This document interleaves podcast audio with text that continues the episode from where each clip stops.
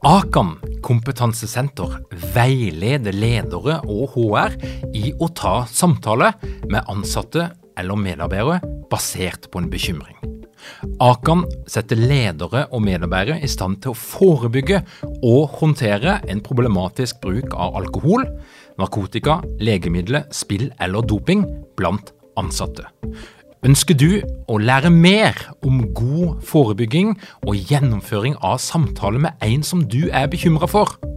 Da kan du nå få tilgang på Akan sitt digitale samtalekurs til spesialpris, kun 760 kroner. Målet med kurset er å gjøre deg tryggere i det som kan være en krevende, men viktig samtale å ta i lederrollen. Du får tilgang til kurset med å gå til samtalekurs.no, samtalekurs.no, og bruke kampanjekoden LEDERPODDEN. Tilbudet gjelder ut april. Lederpodden er gitt til deg av Execu.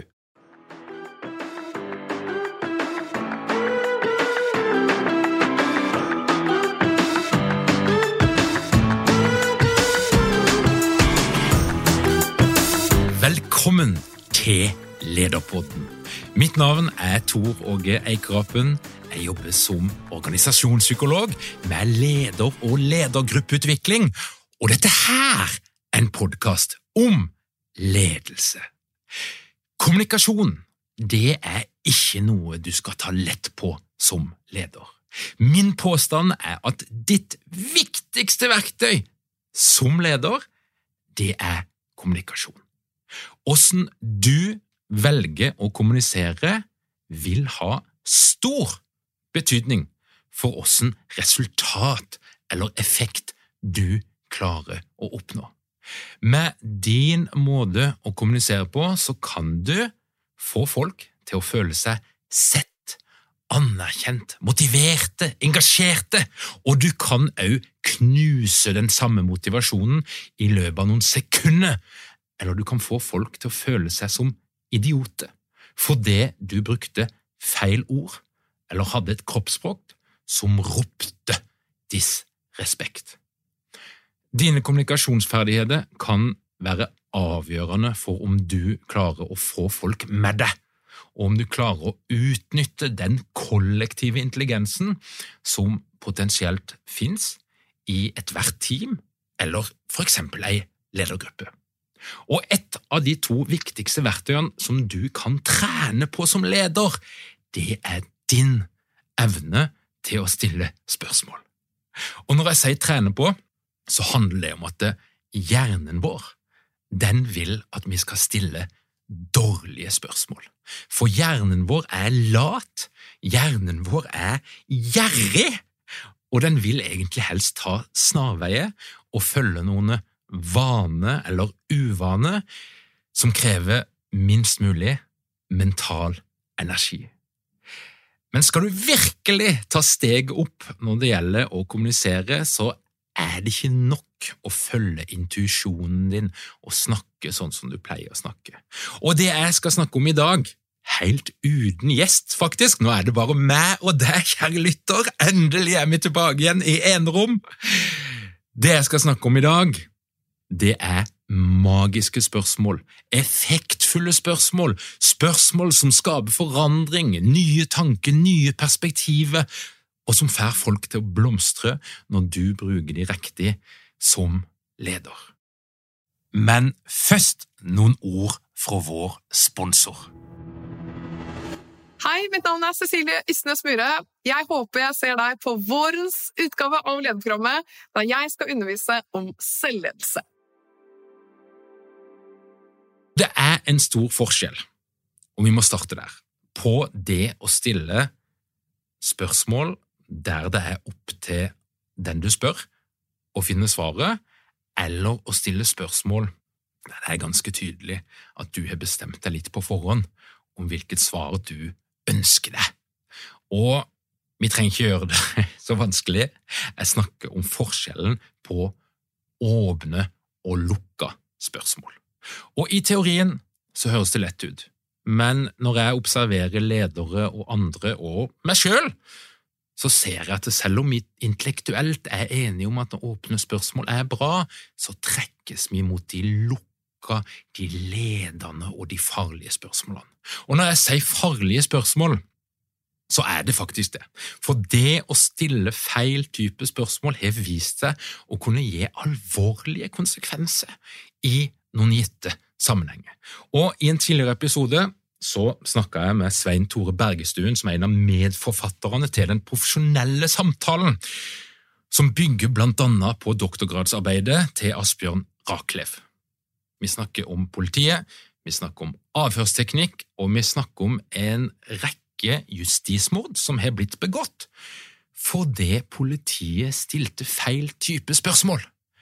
Lukka spørsmål, ledende spørsmål, manipulative spørsmål som fikk folk til å svare ting som de faktisk ikke mente. Det fikk de til å svare feil, og det fikk de til å svare det som de trodde den som stilte spørsmålet, ville de skulle svare. Birgitte Tengs-saken det er et eksempel som blir nevnt i denne boka, Den profesjonelle samtalen. Og så kan ikke ha ulike meninger om de her tingene. Det er en stor diskusjon, men belegget for å si noe om at hvilken type spørsmål du stiller, kan ha ekstremt stor betydning for hvilket resultat du får, det belegget er tungt og solid, og det ligger altså etter hvert betydelig med forskning som viser at her snakker vi faktisk om noe som i mange sammenhenger kan være avgjørende. Og Hvis vi da skal gå tilbake igjen til den profesjonelle samtalen, så er det da de grunnleggende åpne spørsmålene eh, vi da kommer til. Og i politiets metode, eh, kreativmetoden, som den blir kalt, så, så, bruker de altså noe som de kaller for 5HN. Og Det er et ganske enkelt eh, akronym som handler om de helt sånn basic, grunnleggende åpne spørsmålene, som ofte er syretesten på om du stiller et åpent eller lukka spørsmål. For det åpne spørsmål de begynner som regel med eh, et av de her fem ordene, som er altså lista opp som 5HN, og det er rett og slett hva, hvem, hvor, hvordan og når. Og det som Raklev og gjengen beskriver i den profesjonelle samtalen, det er jo et interessant forskningsresultat som forteller at jo åpnere spørsmål du stiller, jo mer valid og relevant er den informasjonen du får ut. Men jo mer sann er informasjonen. Og fri forklaring det er da det øverste nivået her, og så er det 5HN som er det neste. Så hvis du skal begynne et sted, så er det kanskje med å teste ut eller bruke de her ordene oftere. Hva, hvem, hvor, hvordan, når.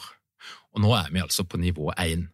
Og min utfordring til deg i denne episoden, det er jo kan du plukke ut ett eller to spørsmål som du får presentert her i dag, som du skal trene på å bruke oftere i situasjonen der du tenker at det er relevant. Ikke hele tida, ikke alltid, ikke med alle, men prøv å velge deg ut noen situasjoner der du har lyst til å teste ut noen av de her spørsmålene. For det som er greia, det er at dette her handler om trening. Det handler om å gå fra å være eh, ubevisst inkompetent til å bli ubevisst kompetent. Du må altså trene og bruke de her spørsmålene ganske ofte for å få det til å føles naturlig eh, og en del av din måte å kommunisere på. Og De første gangene så vil det virke litt rart, litt overfladisk, hvordan ser de andre på meg nå? Så det krever en del mot å endre sin måte å kommunisere på, trene inn nye ferdigheter. Men 5HN, det er starten. Hva, hvem, hvor, hvordan og når.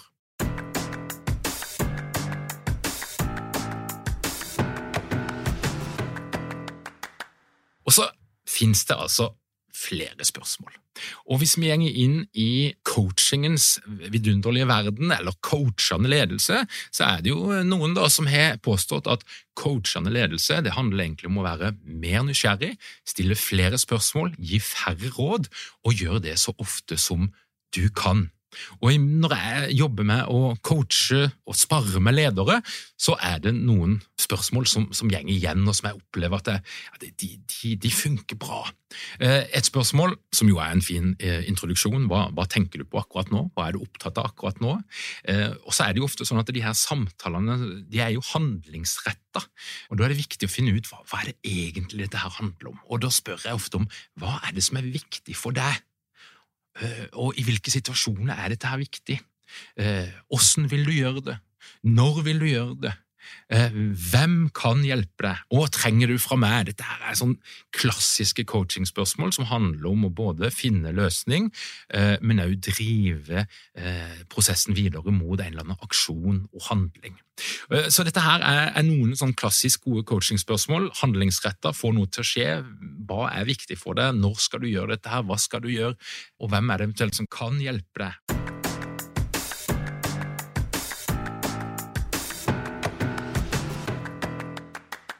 Vi må gå videre til, til neste nivå. For det er, det er en kar da, som har gjort et levebrød ut av å formulere gode spørsmål eh, og skrive bøker om det. Og eh, det er en kar som er referert til ganske mange ganger her. Jeg kan godt fortsette med det. Michael Bunjay Stanier. For han eh, er en av de som virkelig satt litt spor etter seg når det gjelder å si noe om hva coachende ledelse er og kan være for noe. Og I boka si The Coaching Habit, Say less, ask more and change the way you lead forever, ja, det er ikke småtteri, så sier han at eh, det å være en coachende leder det handler om, som sagt, være mer nysgjerrig, gi mindre råd, eh, og holde deg nysgjerrig litt lenger, og gjøre dette her så ofte du kan. Og Han sier at det, det er egentlig bare syv spørsmål du trenger for å være en coachende leder og for å kommunisere på en mye bedre og mer effektiv måte enn de fleste av oss gjør til hverdags. Og Han har da syv magiske spørsmål som han mener dekker det meste av det du trenger for eksempel å ha en problemløsende samtale der du stimulerer den andre til å finne en løsning. Du skal ikke komme med svaret, men du kan stille spørsmål som åpner opp og låser opp det som er fastlåst, og som får folk til å tenke sjøl, og som skaper betydelig mer indre motivasjon og engasjement enn hvis du kommer med et ferdigtygd svar eller stille, lukka, ledende, dårlige spørsmål. Så hør etter nå hvis du har lyst til å få deg et nytt favorittspørsmål ifra denne eh, samlinga til Michael Bunjay Steiner. Og De syv spørsmålene er til de på engelsk, så, så, så finner du ut av det hvordan du skal si det. men eh, det første det er jo litt Facebook-spørsmålet, eh, litt det samme som i stad, bare for å liksom sjekke inn da, og høre hva er, det som, hva er det folk er opptatt av akkurat nå. og Av og til så kan det være lurt å få sagt det før en gjenger videre til neste tema og åpne opp for noe mer. at en, en, De fleste av oss kan av og til ha behov for å si noe om da, og hvordan hemmer vi det akkurat nå, eller hva er det vi tenker på akkurat nå. Og Det første spørsmålet er altså What's on your mind? Hva er det du tenker på akkurat nå? Hva er det du har på hjertet? Um, et veldig avklarende og, fint spørsmål som på en måte fungerer veldig bra som en innsjekk, eh, bryte isen, sette noe i gang, ramme noe inn. Det andre spørsmålet det er jo et spørsmål som er godt etablert i, i Norge. Noen bruker det nesten som en sånn standard frase. Uh, and what else? Og ellers? Og ellers? Og åssen gjenger det ellers? Det har iallfall jeg hørt noen ganger. Eh, og Det er jo et fint, eh, fint spørsmål, et fint oppfølgingsspørsmål for liksom å, å, å, komme i gang.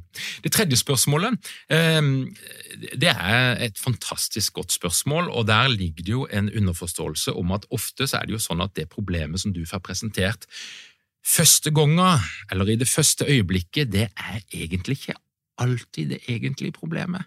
Og min erfaring som organisasjonspsykolog og som psykolog og i alle de her eh, rollene som jeg har, så er jo min, min erfaring at i 90% av tilfellene når folk presenterer et problem for deg, så er det altså i 90 eh, ikke det som egentlig er problemet. Det handler egentlig om noe annet, det er folks første antakelse om hva som er problemet du får høre.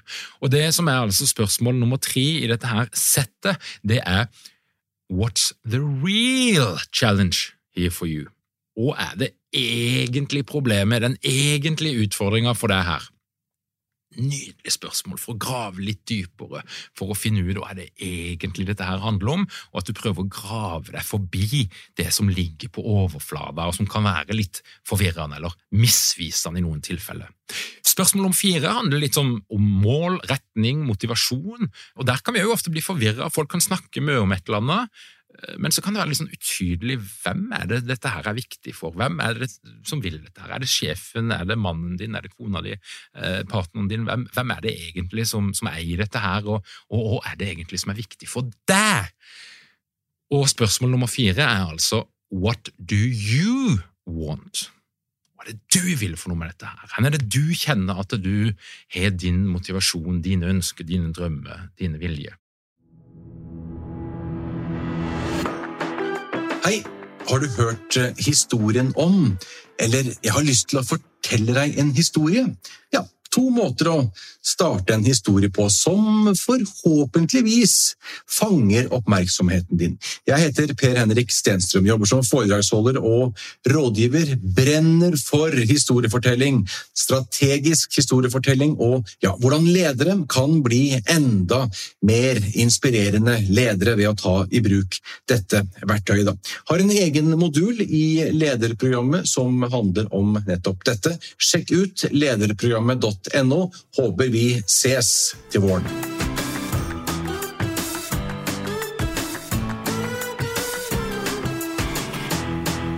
Spørsmål nummer fem er jo et, eh, et veldig eh, relevant spørsmål i en del én-til-én-samtaler som du jo bør ha en del av som leder. Det har vist seg å være veldig smart for å bygge relasjoner, for å eh, ja, egentlig bidra til både motivasjon og prestasjon ganske hyppig én-til-én-samtale. Og Da er spørsmål nummer fem et, fint spørsmål der. How can I help? Hvordan kan jeg hjelpe deg med det? Har dere mange ledere uten trening eller utdannelse innen ledelse? Mangler dere en felles kultur og praksis for ledelse? Ønsker dere å være bedre rustet for fremtidig vekst og endring? Da kan et internt lederutviklingsprogram være en god investering. I Execu så er vi eksperter på å designe og gjennomføre bedriftsinterne lederutviklingsprogram. Hvis du ønsker å lære mer om hvordan vi kan hjelpe dykken til å få enda bedre ledere, ta og klikk deg inn på execu.no.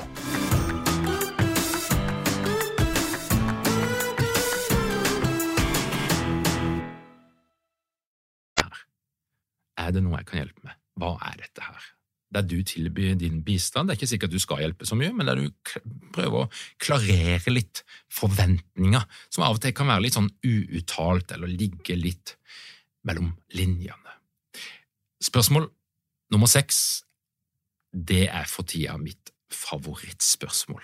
Yes, det er mitt favorittspørsmål, og det handler om fokus, det handler om prioritering, det handler om litt av det vi snakka om i siste episode av Lederpodden. Hvordan kan vi frigjøre tid til det som teller, og ha en mer bevisst bruk av tida vår? Og det er òg en sånn tydeliggjøring av at du kan ikke si ja til alt. Og spørsmål nummer seks, det er altså If you're saying yes to this, what are you saying no to? Fantastisk. Jeg skulle ønske jeg fant det opp sjøl. Hvis du sier ja til dette her, hva er det da du sier nei til? Det er jo et nydelig spørsmål om vi snakker om å prioritere eh, valg som vi gjør i livet, små og store ting vi har lyst til å gjøre og bruke tid på. Av og til så sier vi ja litt for kjapt, uten å tenke gjennom at vi faktisk òg sier nei til noe annet i det samme øyeblikket som du sier ja. Spørsmål nummer sju det er jo en sånn fin måte å vise at du er interessert i feedback og, og få en litt sånn forståelse av den andres perspektiv og, og, og den andre tykker er viktig. Eh, og Spørsmål nummer sju er rett og slett og hva det som var mest nyttig for deg her? What was the most useful for you? Fin avslutning av for eksempel en én-til-én-samtale, og hva mest nyttig for deg i den praten som vi har hatt nå. Så Dette her er syv spørsmål. Jeg tykker et par av de er riktig så gode eh, og, og, fungerer på den måten at de, de, de, tilfører energi, og de gir en annen retning til samtalen. Og de får fram noen nye tanker, noen nye perspektiver eh, som ellers ikke hadde kommet på bordet. Eh, så jeg anbefaler å kanskje plukke ut et av de her spørsmålene og teste det ut i din ledelse, i dine én-til-én-samtaler, og så se hva som skjer!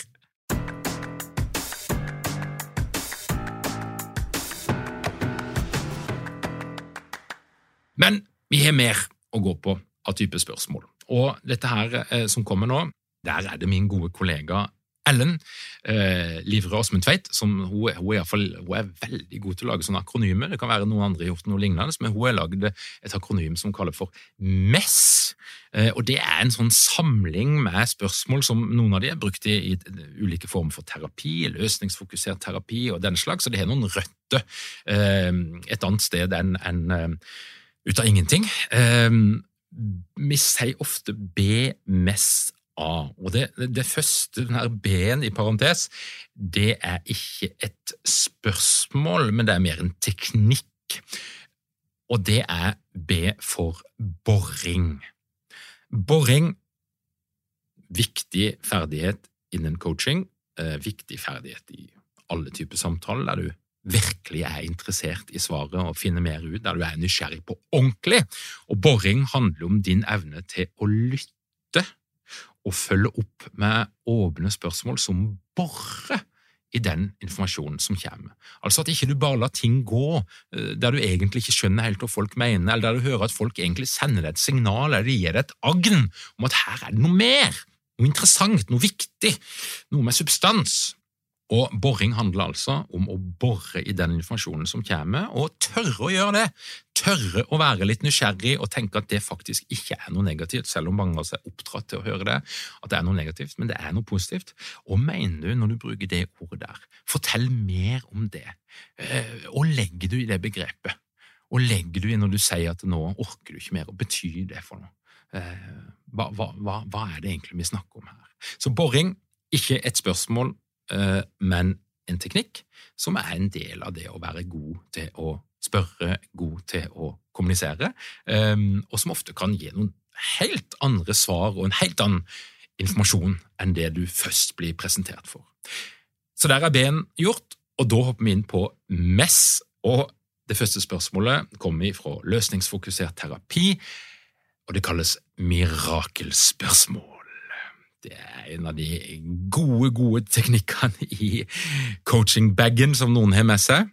Og det er jo et spørsmål der du får andre til å se for seg hva som ville vært annerledes hvis de ønskene som du har, blir realisert, og alle hindringer blir rydda av veien. Og Det kan jo virke litt sånn vel langt inne på alternativmessa hvis du fyrer i gang dette her spørsmålet henne som helst med hvem som helst, men hvis du rammer det inn og gjør det til ditt eget og gjør det på den rette måten og bruker det i den rette situasjonen, så kan det være knallsterkt. Og Et eksempel på et type mirakelspørsmål, det er mange måter å gjøre dette her på, men det er jo for eksempel hvis du våkner i morgen og alle hindringer er rydda av veien, hvordan vil det se ut, og vil da være annerledes? Mirakelspørsmål, M-en. Effektspørsmål det er et spørsmål som undersøker en konsekvens eller en effekt av å velge den ene eller den andre handlingsalternativet. Hvis du velger A, hva er det som da kan skje, hva er det da du kan se for deg, hvilken konsekvens kan da forekomme? Ehm, og hva skjer hvis du bare fortsetter å gjøre sånn som du gjør i dag? Hva blir konsekvensen av det? Så uansett om du velger det ene eller andre, så vil ting ha en effekt, det vil ha en konsekvens, og dette her er en slags bevisstgjøring på det, ansvarliggjøring òg. Sirkulære spørsmål, eller relasjonelle spørsmål som det av og til blir kalt, det handler jo om andre mennesker, og der du bruker det du tror om andres perspektiv inn i samtalen for kanskje å, å få noen nye tanker eller se ting fra en annen side. Hva ville person X ha tenkt i en sånn situasjon? Hvordan ville person X ha tilnærmet seg det? Hvordan ville person X ha reagert hvis du gjorde det ene eller det andre? S-en for sirkulære spørsmål. Den siste i denne lille bagen med spørsmål, Det er eh, et velkjent spørsmål som mange bruker, og eh, det kan sikkert bli for mye av det gode av og til, men brukt riktig så er det noe gode greier der, og det er jo S for skalering. Spørsmål som utforsker mål, vilje, eh, progresjon, tanke om egen prestasjon, det kan være motivasjon der du bruker en skala, typisk fra én til seks. Det handler om å sette ting i perspektiv. For av og til så kan folk for eksempel ha en måte å snakke på som det høres ut som at det er kjempeviktig det de er opptatt av, eller det er krise, eller dette her er så galt som det kan få blitt. Men av og til så er det ikke alltid det er sånn allikevel. Og Da er det et veldig klargjørende spørsmål å spørre eksempel på en skala fra én til seks hvor viktig er dette her for deg? Og Hvis personen da sier tre, ok, hva er det som gjør at det ikke er på en sekser? Masse interessant informasjon. Eller hvor god er du på dette her nå, på en skala fra én til seks? Ja, du er på en fire, ja, ok. Og henne var du for ett år siden? På en toer? Å ja. Hva var det som gjorde at du kom deg fra to til fire? Kjempespennende. Og hva er det som skal til for at du kan komme på den derre femåren som du ønsker å være på? Masse forskjellige måter å bruke dette her på. Gjør du det for mye, så blir det en klisjé, og du blir en parodi som snart kommer i Lunsj, eller et eller annet eh, komiserie. Eh, her balanserer vi på en veldig tynn linje mellom å være en god kommunikator, en god leder, en god coach, eller hva du vil kalle det, og være en vits som eh, kan risikere å bli gjort narr av på neste julebord. Så du må altså balansere det og bruke det med en måte. Men velg ut noen type spørsmål som du tør å teste ut og se hva som skjer. Og jeg lover deg at det gjør en forskjell i én-til-én-samtale, i møter du er med i, og i situasjoner der det handler om å løse et problem og se ulike perspektiver og få fram det. Eller et jobbintervju, for den saks skyld.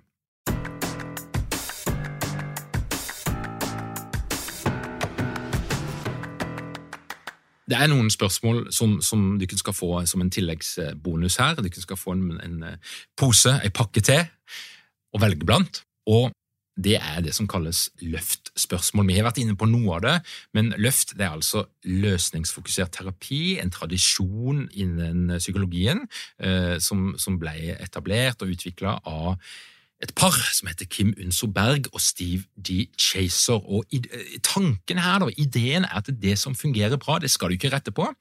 Og hvis det er noe som virker, så skal du gjøre mer av det, og det som ikke virker, ja, det må du gjøre på en annen måte. Så det er en litt sånn positiv vinkling som sikkert ikke alltid er helt riktig i en ledelseskontekst, men det er nå uansett der dette her kommer ifra. da. Og det er noen eh, spørsmål her som er knallgode, brukt på riktig måte. og Det er tre kategorier. Det er unntaksspørsmål, det er mestringsspørsmål og det er fremskrittsspørsmål. Og Unntaksspørsmålene det er jo når ting er låst og folk er veldig negative, så kan du av og til løsne opp litt med å spørre kan du huske en gang der det faktisk gikk bra, der du fikk det til, og hva det da du gjorde for noe? Godt spørsmål. Mestringsspørsmål og da er vi altså i en litt sånn fastlåst situasjon, der det er litt mørkt og litt vanskelig og litt håpløst. Hva er det som gjør at du ikke gir opp? Hva er det som gjør at du fortsatt vil ha denne jobben? Og åssen var det du løste problemet sist du var i en sånn situasjon? Altså, Få fram at du har faktisk klart dette her, du har en mestring som ligger der, men vi må synliggjøre det, og vi må styrke den følelsen. Fremskritt det er et type spørsmål som jeg liker veldig, veldig godt Um, og er veldig glad i at det skal skje noe. Vi må ha noe progresjon, vi må ha noe handling. Vi kan ikke bare sitte og sulle. Av og til så må vi ta tid til å reflektere og prate, og, og, og, trenger ikke nødvendigvis at det skal skje noe etterpå. Men i en jobbsituasjon på arbeidsplassen så ønsker vi jo gjerne å ha progresjon. Vi må gjøre noe, vi må prøve noe på en annen måte. Og når jeg jobber med læring, så er jo det litt av poenget. da, At folk, ledere som jeg jobber med, de skal gå ut og teste ut noe på en annen måte enn det de gjør i dag, hvis det som de gjør i dag, ikke fungerer så bra. Og Fremskrittsspørsmål det er to stykker. Veldig enkle. Hva skal du gjøre mer av, og skal du gjøre mindre av? Prøv å gjøre det så håndgripelig, så enkelt, så tilnærmelig som mulig. Bryt opp denne svære elefanten i noen bitte små beder. Ok, fram til vi snakkes neste gang, om ei uke, om to uker. Hva er det du skal teste ut og gjøre litt mer av? Og i hvilke situasjoner skal du gjøre det, når skal du gjøre det, konkretisere som du vil, og eventuelt er det noe du skal gjøre litt mindre i noen sammenhenger. Det handler om å gjøre terskelen lavere for å teste ut ny atferd. Vi skal ikke ha en revolusjon, du skal ikke endre personlighet, du skal ikke snu på alt, men du skal gjøre noe litt annerledes.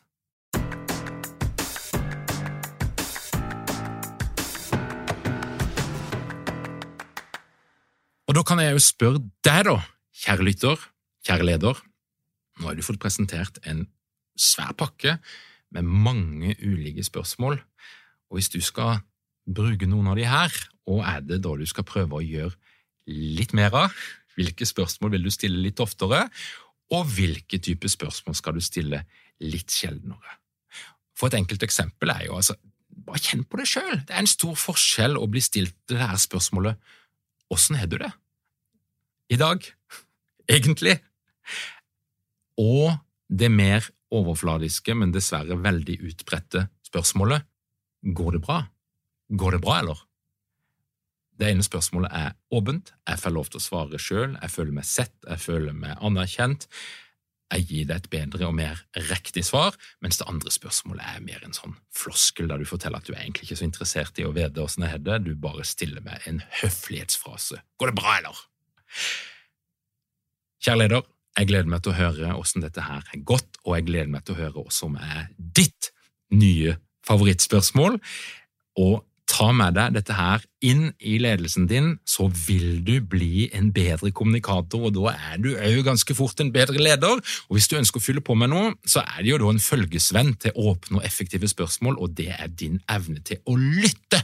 Og da finnes det altså en episode i Lederpodden litt langt tilbake som heter noe sånn som Hvordan lytte som en psykolog, og der får du den inputen du trenger for å sette i gang med å lytte på et enda høyere nivå enn det du gjør i dag. Og hvis du skal jobbe med kommunikasjon, så er det litt kjedelig. Det er litt sånn, det er litt sånn basic, og du har hørt det mange ganger før, men det er de to viktigste tingene du kan jobbe med. Det er lytting, og det er å trene deg på å stille gode, åpne, effektfulle og av og til litt magiske spørsmål. Takk for at du hører på Lederpodden. Som du vet, så er vi altså snart i gang med et program der du kan få trent på de her tingene, og du kan få lært enda mer om blant annet dette her. Det handler om å lede seg sjøl, det handler om å lede andre, det handler om å lede endring, og programmet heter altså Lederprogrammet. Og det begynner å fylles opp, og vi er i gang 28. februar. Og hvis du er nysgjerrig på dette her og har lyst til å sikre deg en plass, så er det lederprogrammet.no som gjelder. Og hvis du bare har lyst til å følge med på alt det som skjer i vårt lederunivers, så er altså lederpodden.no stedet. Og der kan du trykke på den rette knappen, du kan skrive inn din e-post, og da vil du få vårt rykende ferske nyhetsbrev om ledelse i din innboks hver eneste fredag. Tusen takk for at du hører på Lederpodden. Vi høres igjen om ei uke.